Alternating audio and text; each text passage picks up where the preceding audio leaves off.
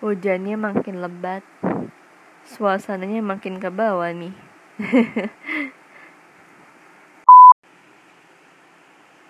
Aku, kamu, dan ibu kota. Bagian keempat, sandaran dan tetes hujan.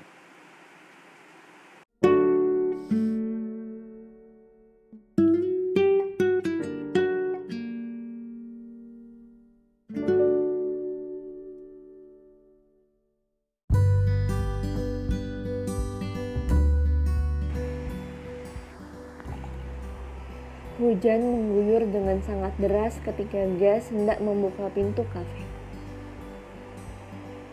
Hujan? Iya, kita mungkin harus berteduh dulu. Pulang? Kamu gak perlu resah. Kita akan sampai stasiun sebelum jam 6. Bagaimana caranya? Ada sebuah taksi yang baru saja berhenti. Sepertinya taksi itu baru saja menurunkan penumpangnya ke kafe di mana Gas dan Jane sedang berteduh. Jane berusaha menyelamatkan buku-buku yang baru saja ia bawa dari perpustakaan. Jane takut buku yang dipinjam itu akan rusak jika menerobos hujan. Gates menawarkan diri untuk membeli tote bag di toko tempat berada sebelah kafe. Tak mau melihat gadis kecil kesayangannya kebasahan. Gas meminjamkan jaket hitam kesayangannya untuk melindungi Jane. Gas rela menerjang hujan asal gas kecil kesayangannya tak basah kuyup. Ini, maksudnya, kamu mau hujan-hujanan? Aku rela meminjamkan jaket kesayanganku supaya kamu gak basah kuyup. Tapi ini kan jaket kesayangan kamu. Kamu akan mengerti kenapa jaket ini menjadi jaket kesayanganku setelah kamu mencoba untuk memakainya. Baiklah. Jane memakai jaket itu. Jaket itu terasa hangat jika sedang dipakai. Pantas saja Gas mengatakan kalau jaket hitamnya menjadi jaket kesayangannya selama ini. Kini Jane mengerti Jane mengerti kalau kehangatan bisa didapat dari mana saja. Tidak perlu pergi jauh, cukup dengan satu jaket hitam yang sa yang hangat sudah membuat hawa dingin Jane menjadi lebih baik. Jane sama sekali tak tega melihat gas kehujanan. Jadi, Jane memutuskan untuk membagi jaket ini berdua. Jane tak mau melihat orang yang sudah menyayanginya malah menjadi jatuh sakit demi melindungi seorang gadis kecil. Basah kuyup. Aku. Iya, aku gak tega kamu begini. Gak apa-apa aku kehujanan. Selama gadis kecil kesayanganku gak kehujanan. Jane terus memandangi mata gas yang terus bertahan dalam hujan yang mengguyur dengan deras. Jane ingin menunggu sejenak namun gas menolak. Katanya Jane tidak boleh menunggu dalam keadaan sendiri. Gas berhasil mendapatkan tote bag yang cukup besar untuk melindungi buku-buku yang sama berada dan dalam perjalanan pulang. Hujannya makin deras. Iya. Terus gimana kita ke stasiun sekarang?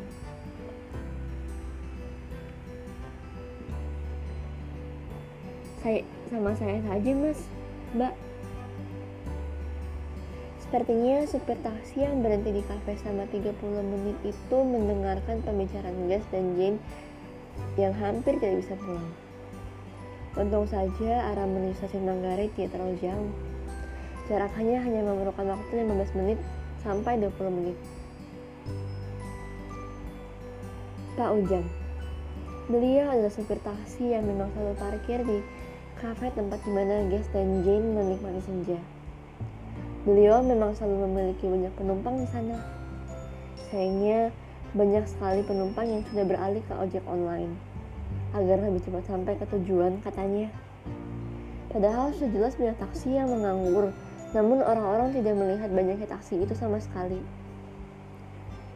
Saat ini, katanya, Orang penduduk Jakarta lebih mementingkan gengsi sehingga untuk menaiki taksi saja harus malu. Bahkan orang yang masih menggunakan taksi adalah orang-orang kuno. Gak apa-apa pak. Gak apa-apa mas. Biar bisa aman dari hujan, saya sih saya antar. Baiklah.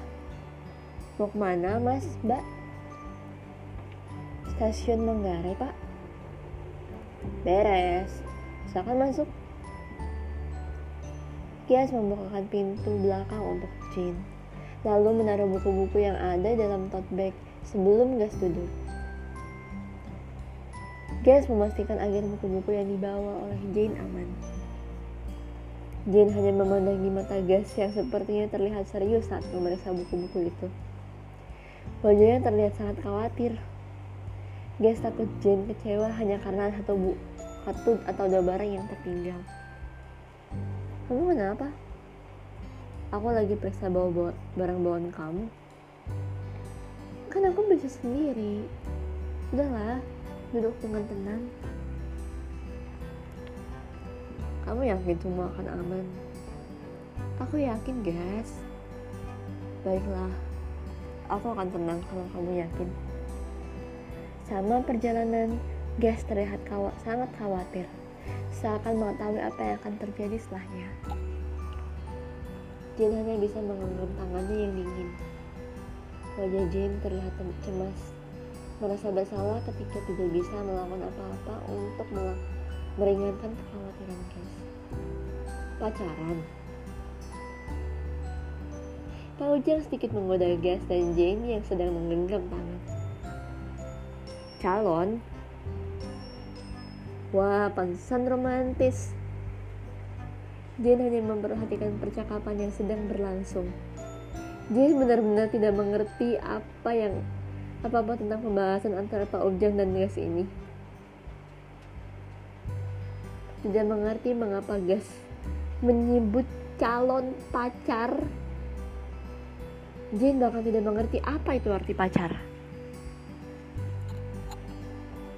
Pacar pacar apa? Pacar? Kamu tahu? Aku nggak tahu apa-apa. Mungkin karena aku sudah terbiasa untuk sendiri. Apa belum pernah ada yang menyayangi menyayangimu sebelumnya? Aku tak akan menyebutkannya. Itu akan menyakitkan. Aku paham. Pasti banyak trauma yang dalam karena cinta. Cinta adalah hal yang tulus tapi kenapa banyak orang yang mempermainkan ketulusan cinta? Aku juga bingung. Aku tak tahu siapa yang setega itu menyakiti gadis kecil kesayanganku. Jane, aku janji untuk menjagamu, tulus hati. Aku janji aku gak akan ninggalin kamu. Aku janji.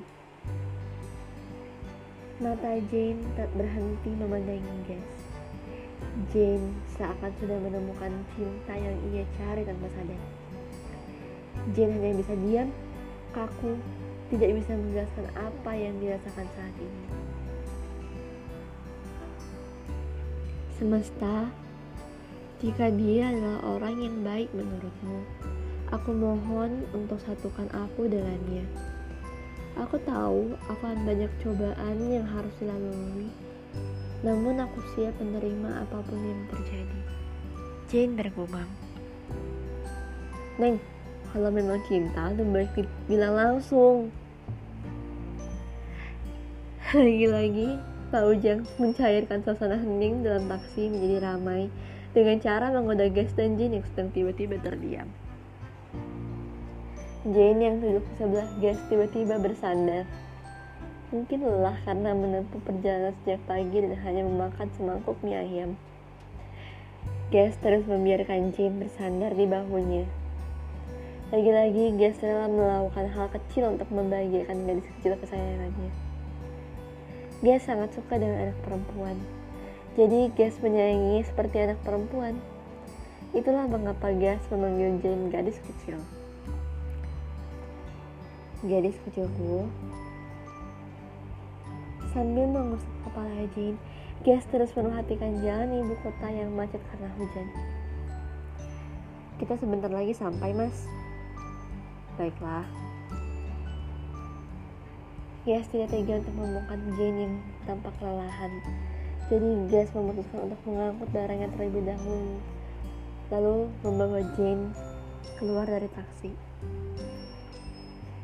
Taksi sudah berhenti di depan stasiun. Namun Jane masih belum bangun juga. Gas sedikit khawatir dan rela membangunkannya. Namun harus dia lakukan. Gadis kecilku, kita sudah sampai. Sampai. Sampai di mana? Stasiun. Sudah sampai sejak kapan? Baru sampai. Kok nggak ada yang beritahu aku? Kamu tertidur pulas tadi. Sekarang kita harus menukarkan tiket kereta lalu kita akan segera pulang. Ini berapa, Pak? Gas mengeluarkan dompet dari kantong celananya yang isinya sebanding dengan harga ongkos taksi itu. Gak usah bayar, mas. Gas! Jane terlihat sangat terkejut ketika Pak Ujang mengatakan kalau mereka tak perlu membayar ongkos taksi karena Pak Ujang ikhlas memberikan, memberikan tumpangan. Gas terus memandangi dompetnya. Wajahnya sedih karena tak merasa tak bisa membayarkan gadis kecilnya.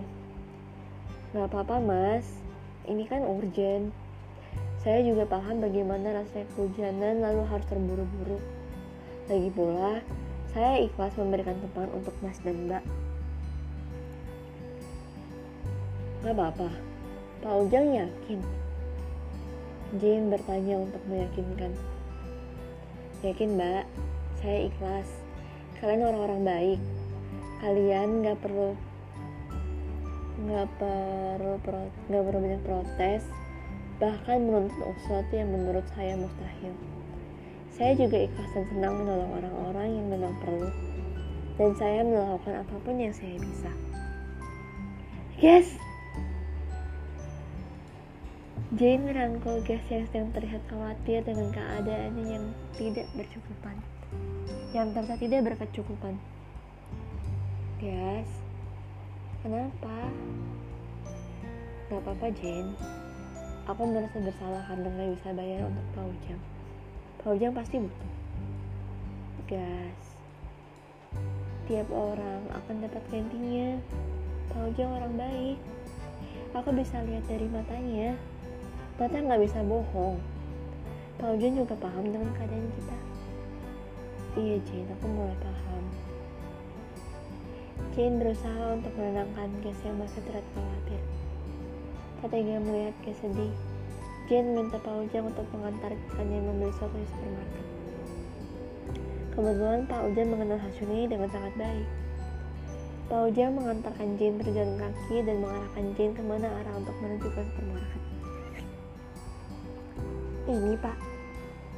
Iya mbak, tinggal masuk aja. Baik, Pak Ojang boleh minta tolong tungguin? Aku lupa arah soalnya. Boleh mbak. Jane keluar dengan membawa banyak makanan dan minuman. Entah untuk siapa. Jane memang memiliki hati yang mulia. Namun Jane belum pernah menolong orang atau memberikan sesuatu pada orang sebanyak itu. Hah? Untuk saya? Iya pak, ini untuk anak-anak Bapak di luar.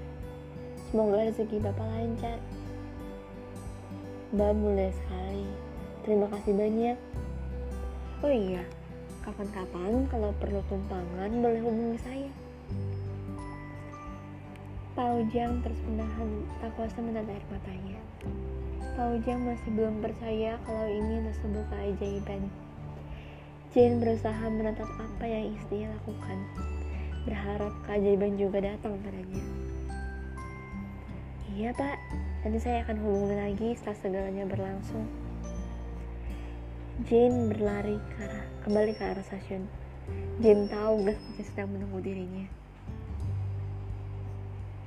Kenapa lama? Itu, tadi aku kasih supermarket beli minum dan sebagian minuman aku kasih ke Pak Ujang dan untuk anak-anaknya. Sungguh, Iya, Awalnya Pak Ujang sama sekali gak percaya kalau minuman sebanyak itu aku berikan padanya. Pak Ujang bicara apa lagi? Tadi Pak Ujang bilang kalau kita perlu tumpangan, kita bisa hubungi Pak Ujang lagi. Pak Ujang sudah kasih nomornya. Ini. Jin mengeluarkan sebuah kertas berisikan catatan nomor telepon Pak Ujang. Aku boleh pinjam dulu? Boleh. Jane menyodorkan kertas itu dan memberikan gas menyimpannya. Lama kemudian, kereta yang mereka tumpangi datang. Kereta itu te datang tepat pukul 6 sore, persis sesuai dengan jadwal yang berada pada tiket. Kereta itu membawa gas Jane pulang menuju stasiun Rawabuntu. Ini bukan menjadi sebuah perjalanan pertama mereka berdua dengan kereta. Jane hanya bisa diam lalu melihat pemandangan yang ada. Lalu Jane berharap semoga semesta mendukung keinginannya. Jane, iya, kamu lakukan semuanya demi aku. Iya. Jane, gadis kecilku, kamu gak perlu berbuat banyak. Kamu sudah membuktikan kalau kamu memang orang yang baik. Kenapa? Karena aku bisa melihat semua itu dari bola matamu. Mata kan gak akan pernah bisa bohong. Guys menatap bola mata Jane dengan penuh penghayatan, meyakinkan bahwa apa yang baru saja dibicarakan adalah benar. Kamu ngapain? Aku melihat kebenaran. Kebenaran? Iya, kebenaran dari dirimu. Memangnya kebenaran bisa dilihat? Bisa, kalau kamu percaya. Lagi-lagi, Jane siap untuk memarahi Gas tanpa perlu meminta izin kepadanya terlebih dahulu. Sayangnya, semesta berkata lain. Jane malah tersenyum kecil setiap kali mendengar kata-kata dari Gas. Kamu tahu kenapa kamu marah aku terus? katanya kamu bisa melihat kebenaran iya tapi nggak harus aku terus kamu harus tahu sesuatu apa itu matamu masih mengabarkan perasaan yang tak pernah dirasakan orang lain sebelumnya maksudku matamu mewajarkan setiap perasaan yang sedang kamu rasakan matamu adalah harga berharga yang pasti semua orang mau memilikinya. Seperti katamu, mata itu gak akan pernah membohongi perasaan kita, guys. Gas tersipu malu saat mendengar apa yang Jane katakan. Memang benar, Gas mencintai Jane setulus hati dan berjanji untuk menjaga Jane semampu yang ia bisa.